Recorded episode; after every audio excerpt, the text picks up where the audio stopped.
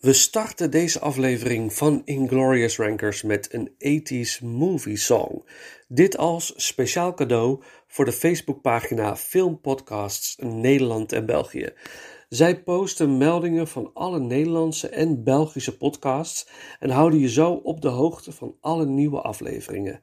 Natuurlijk dit cadeau als dank daarvoor, maar ook omdat het een erg fijn ethisch cadeau is. Bij een van de posts van de vorige afleveringen Ranking 80s Movie Songs rees de vraag: Heeft Vincent gekozen voor Take My Breath Away van Berlin uit Top Gun? Ik koos voor een ander nummer uit deze 80s classic, namelijk Danger Zone, gezongen door Kenny Loggins. Maar toen ik de tag zag Berlin Fan Forever uh, bij de posts van filmpodcasts Nederland en België, moest ik het nummer toch even voorbij laten komen. Dus voordat we starten met de daadwerkelijke aflevering van deze week, eerst even dit.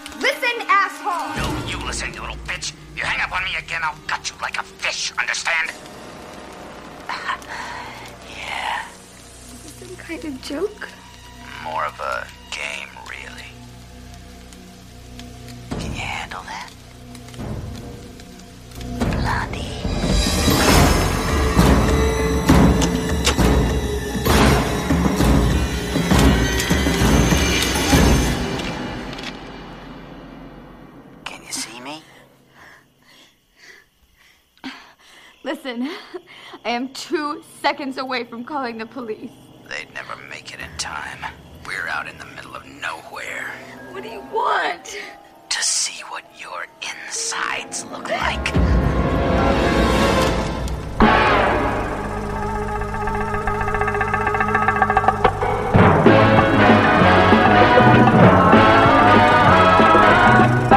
Comes to entertainment, you can't beat a good film.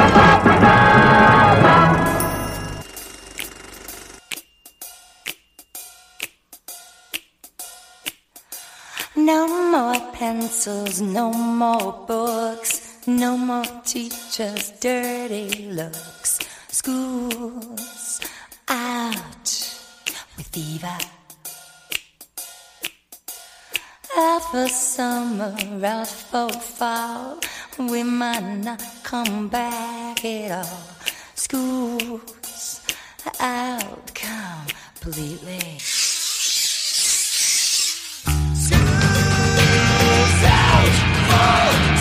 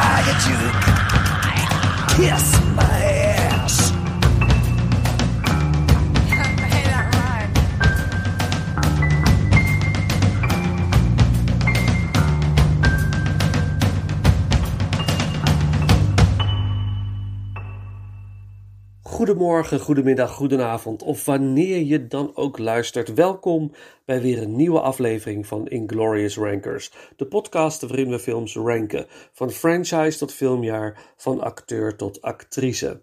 Deze week een franchise. Een franchise die het horrorgenre nieuw leven inblies in de jaren 90. Een favoriet voor velen. Een franchise tot op heden bestaande uit vier delen. Deel 5 komt volgend jaar, ik meen in februari, 12 jaar na deel 4 uit in de bios. Een fijne franchise, maar zijn alle delen wel even goed? Dat zeker niet en dus voer voor een ranking. Ik heb het hier over Scream. Natuurlijk ben ik ook benieuwd naar jouw Scream ranking. Deel het met me via de bekende social media kanalen. Voordat we overgaan naar de ranking, eerst even wat achtergrondinformatie. In de jaren 80 beleefde het horrorgenre een gouden tijd. Er ontstonden allerlei franchises en een enorme horror fanbase. We kregen Jason, Freddy, Michael Myers en Pinhead, iconen die tot op de dag van vandaag tot onze verbeelding spreken. Natuurlijk ontstonden er ook tal van sequels en die werden vooral aan het begin van de jaren 90 steeds een beetje slechter. Alhoewel ik van sommige van die uh, uh, sequels echt wel kan smullen. Deze vervolgfilms kwamen vaak niet eens in de bios, maar gingen straight to video of werden heel beperkt uitgebracht. Los van de sequels werden er ook um, uh, nieuwe horrorfilms uitgebracht die niet het gehoopte succes behaalden. Het horrorgenre was aan het doodbloeden. Dit veranderde prompt toen in 1996 de film Scream in de bioscoop werd uitgebracht. Scream bracht een frisse kijk op het genre met een ode aan al die oude classic horrorfilms. Het script van Scream werd geschreven door Kevin Williamson, iemand met veel liefde voor het genre en voor al die horrorklassiekers. Het script van Scream baseerde hij op de daden van seriemoordenaar Danny Rolling, de Gainesville Ripper. Rolling vermoordde op bloeddorstige wijze vijf studenten in de periode 1989-1990. Hij bekende de moorden en werd geëxecuteerd door middel van een dodelijke injectie. Kevin Williamson zag hier een documentaire slash nieuwsrubriek over op tv en kreeg zo de inspiratie voor Scream. Ook haalde Williamson veel inspiratie uit Halloween. De film zou oorspronkelijk Scary Movie gaan heten. Uiteindelijk is dat de Persiflage-reeks geworden. En vlak voordat ze klaar waren met het filmen van Scary Movie veranderden de producenten de titel in Scream. Goede keuze, denk ik. Wes Craven werd gevraagd de film te regisseren en hij wilde dit aanvankelijk niet. Hij wilde niet weer iets gaan doen waar hij al, wat hij al veel vaker had gedaan. Echter lukte het Craven in die bepaalde periode niet om een nieuwe filmhit te scoren. En na het lezen van het volledige script van Williamson ging hij overstag en voorzag Scream van een uitstekende regie. Hoofdrollen waren er voor Courtney Cox als journaliste Gail Weathers, David Arquette als sheriff Dewey Riley en de mooie Neve Campbell als de door de killer, iemand in het zogenaamde Ghostface pak in vrijwel iedere opgejaagde, uh, ieder, iedere film de opgejaagde Sidney Prescott. Deze karakters keren ook in iedere film terug. En wat Scream zo ontzettend leuk maakt, is de perfecte combinatie tussen horror, gore en humor. Mocht je de Scream-serie nog nooit hebben gezien, ik geef alvast een spoiler-waarschuwing. Ik zal zo min mogelijk spoilen, maar toch heb je ze niet gezien. Uh, kijk ze eerst voordat je deze aflevering luistert. Scream is echt een leuke kijkervaring en vooral wanneer je zo min mogelijk weet. Uiteindelijk is Scream een van de meest succesvolle horror franchises. Let's get going. Ranking Scream. Op naar de nummer 4. Hello? Hello? Hello? If you thought you'd seen it all, Whatever you think you know about the past, forget it. you were wrong. Dead wrong. It made you laugh. It made you scream. Don't panic.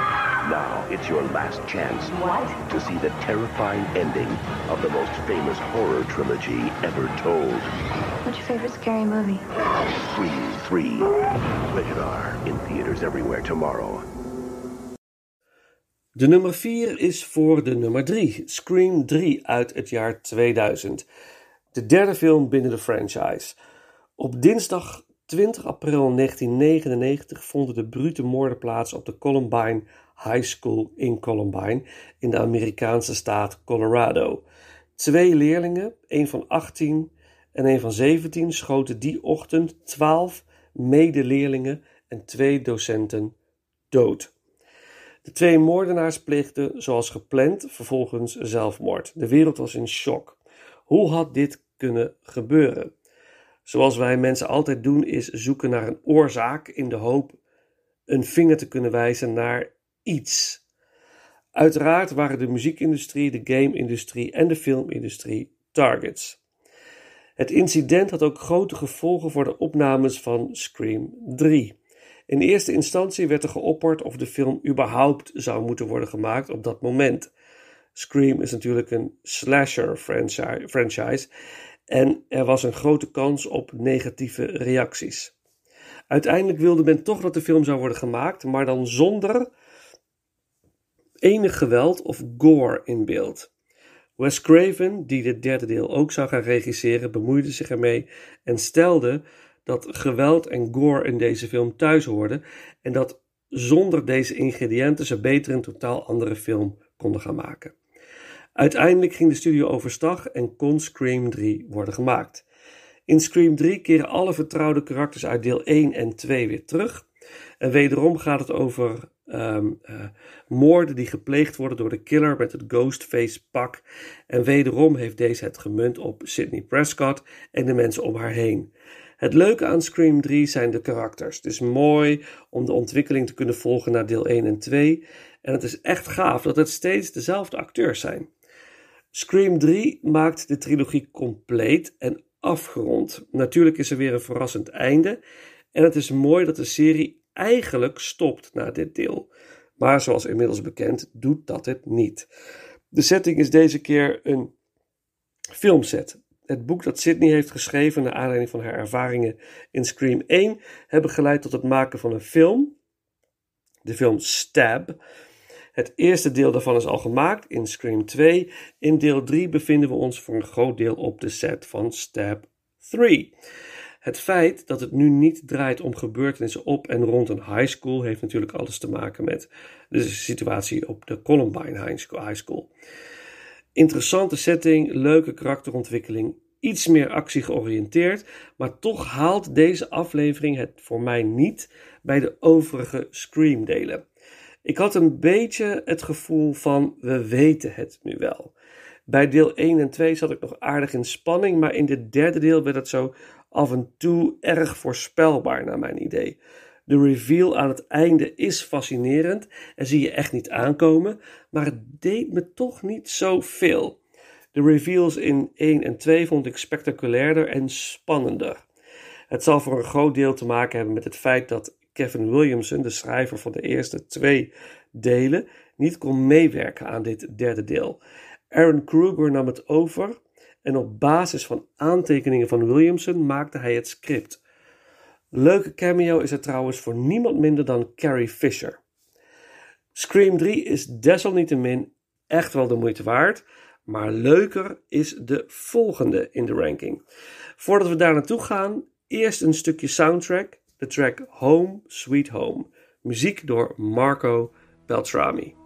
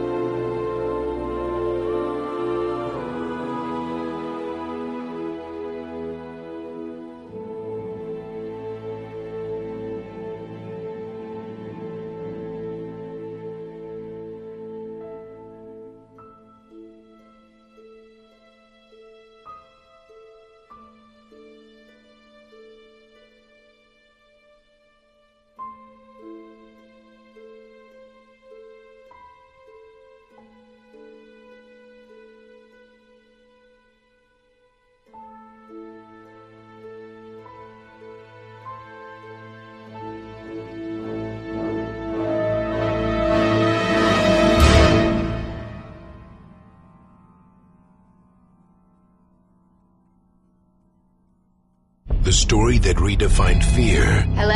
Hello? Hello? is back. What's your favorite scary movie? Two girls killed the exact day of the anniversary of the infamous Woodsboro murders. On April 15th, This whole situation's under control. getting scared This isn't a comedy, it's a horror film. has never been this much fun. You should have seen the look on your face. Scream 4, rated R.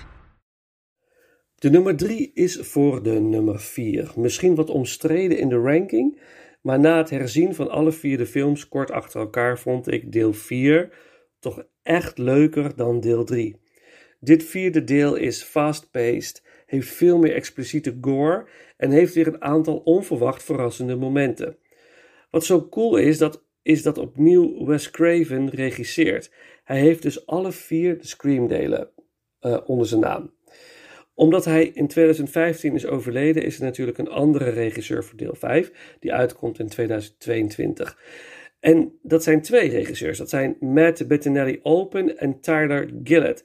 Regisseur van, regisseurs eh, van onder andere het verrassende Ready or Not. Zeker een aanrader.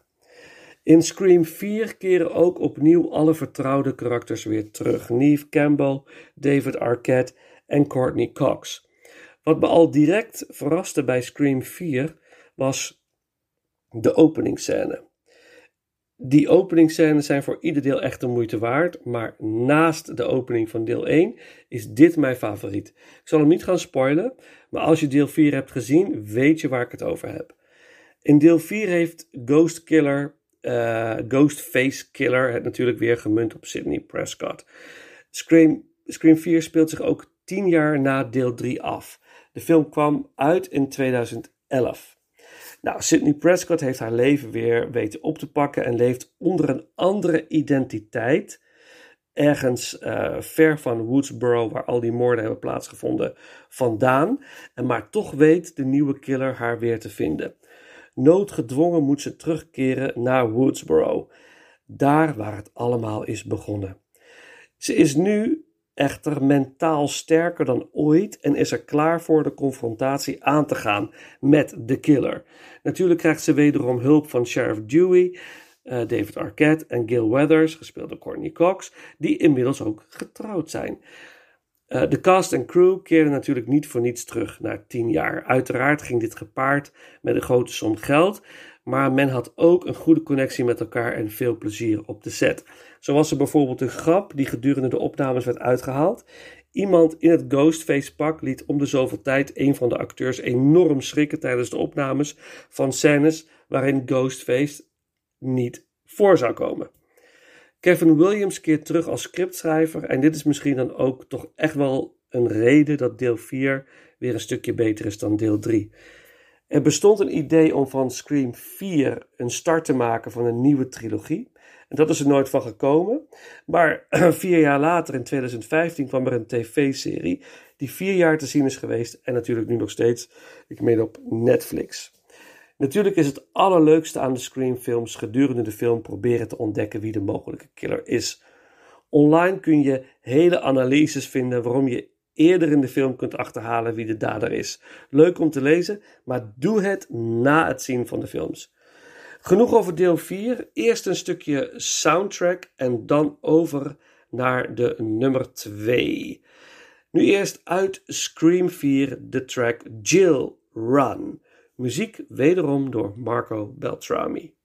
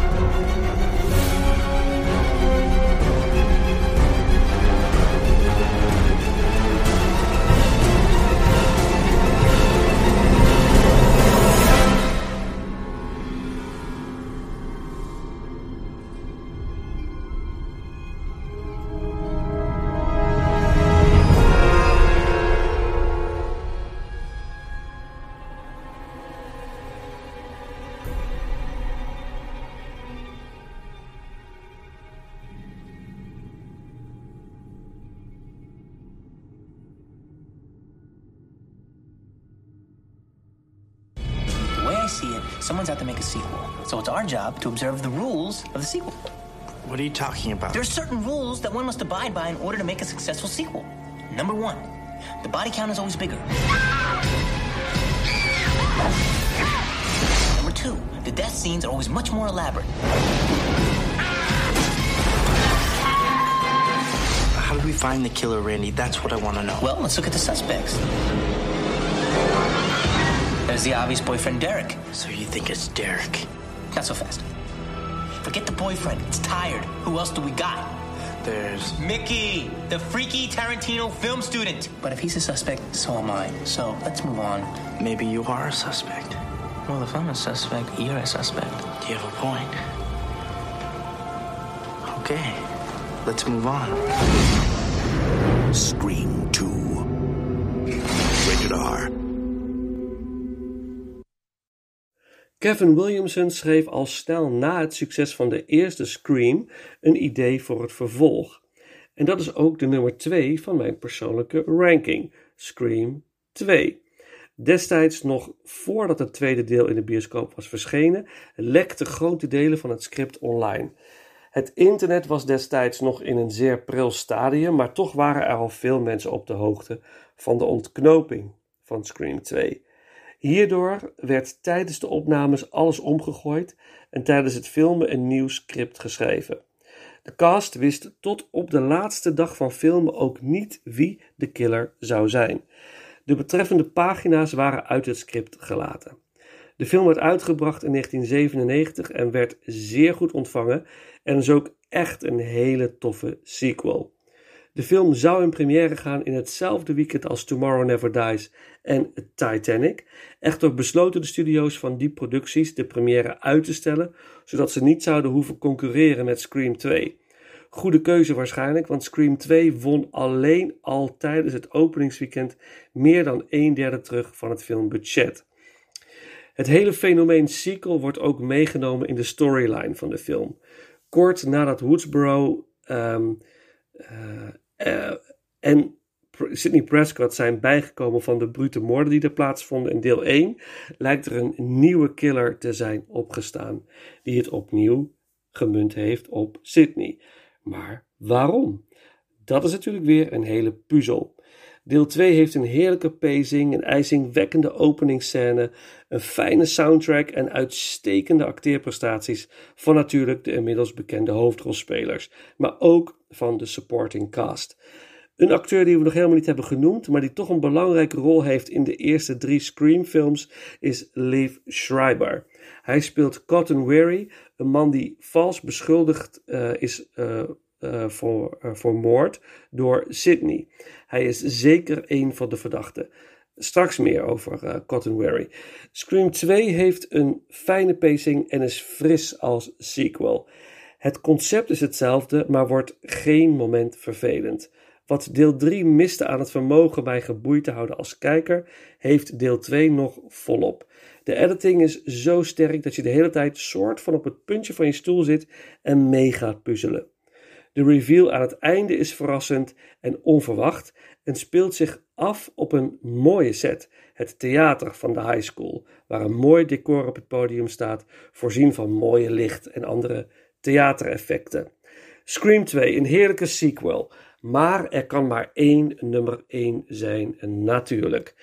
Eerst even de track Cassandra Aria uit Scream 2, muziek door Marco Beltrami, en dan over naar die ene nummer 1.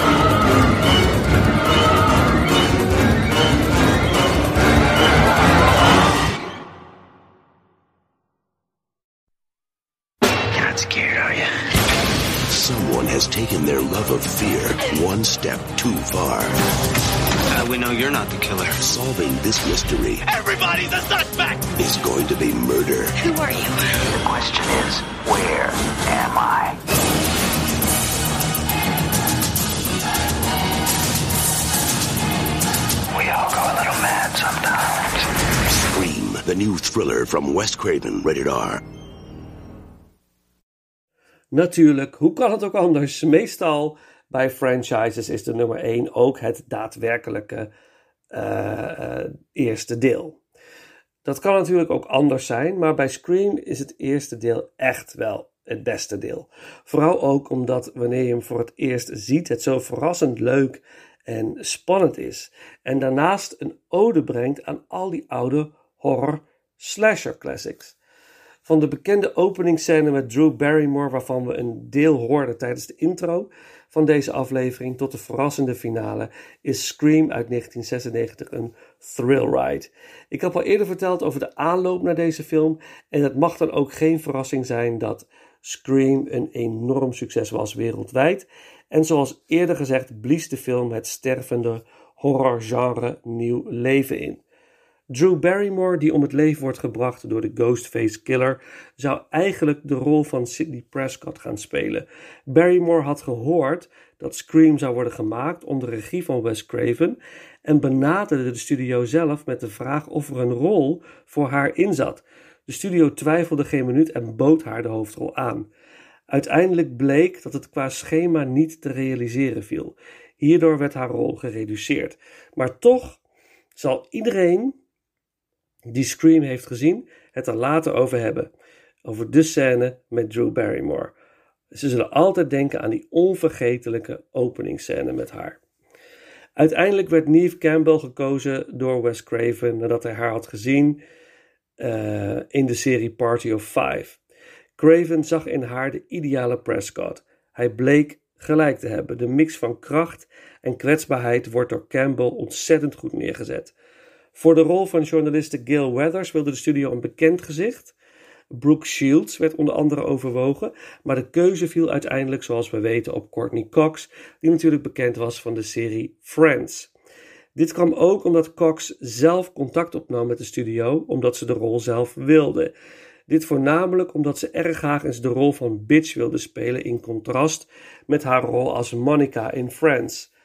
Voor de rol van Dewey zocht de studio aanvankelijk naar een hot actor à la Johnny Depp, maar na de auditie van David Arquette was Wes Craven zo gecharmeerd van de benadering van Arquette richting de rol van Dewey, quasi nederig, stoer, met een vleugje humor, waarna hij hem de rol, rol gunde. Ook weer een gouden greep. Het verhaal is inmiddels bekend, heel simpel, straightforward. Een jaar na de moord op haar moeder wordt Sidney Prescott bedreigd door een moordenaar met een nogal speciale outfit. Een soort magere heinkostuum met een uniek doodshoofdmasker. Het was trouwens een hele taak om het juiste masker of het juiste outfit voor de killer te bedenken. Ze vonden een mogelijke outfit bij de organisatie Funworld, maar deze mocht niet worden gebruikt. De special effects organisatie Can Be ontwikkelde allemaal ideeën, maar Craven kon er zich in geen enkele vinden. Uiteindelijk keerde hij toch terug bij het design van de Ghostface van Funworld en hier werd een eigen versie van gemaakt en dat werd de Ghostface uit Scream. De vraag is natuurlijk wie is de killer en waarom is Sidney de opgejaagde? De verdenking ligt voor jou als kijker al snel op Cotton Weary, gespeeld door Liev Schreiber.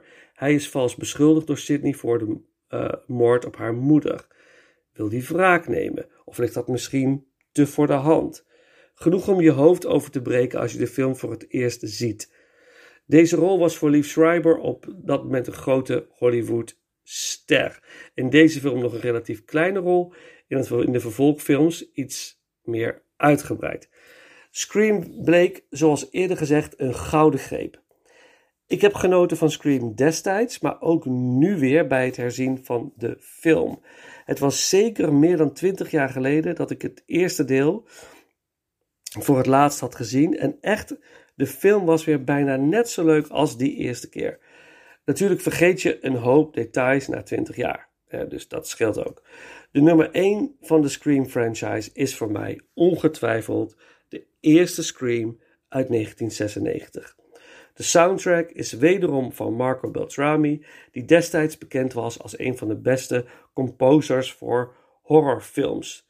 En we gaan luisteren naar een track van de soundtrack van de eerste Scream, het centrale thema, wat eigenlijk op een bepaalde manier in iedere film wel terugkomt. Trouble in Woodsboro. Muziek door Marco Beltrami.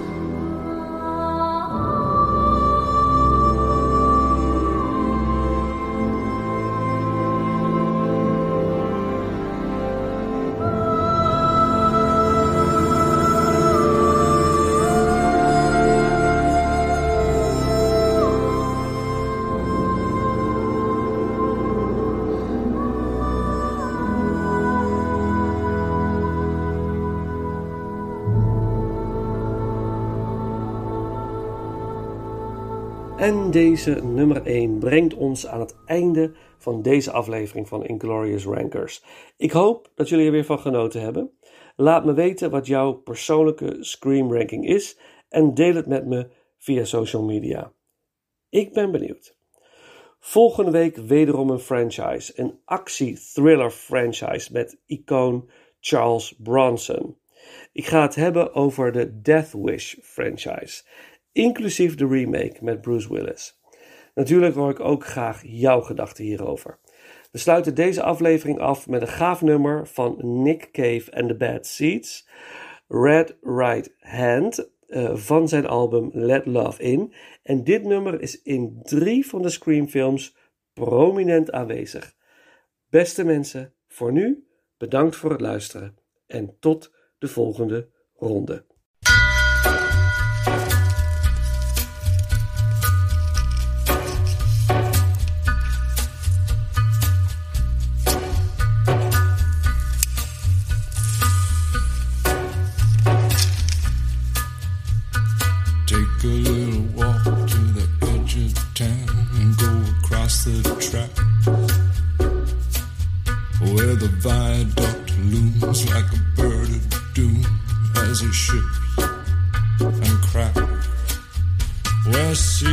line, the border fires and the humming wires. Yeah, man, you know you're never coming back.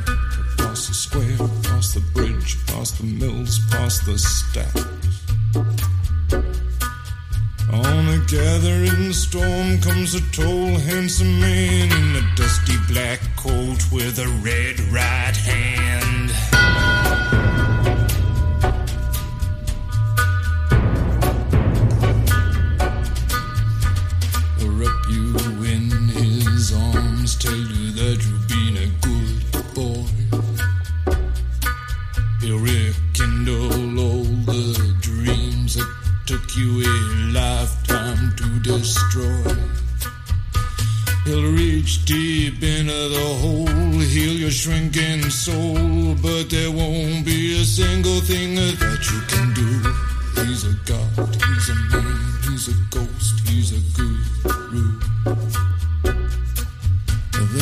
whispering his name through this disappearing land, but hidden in his coat is a red right hand.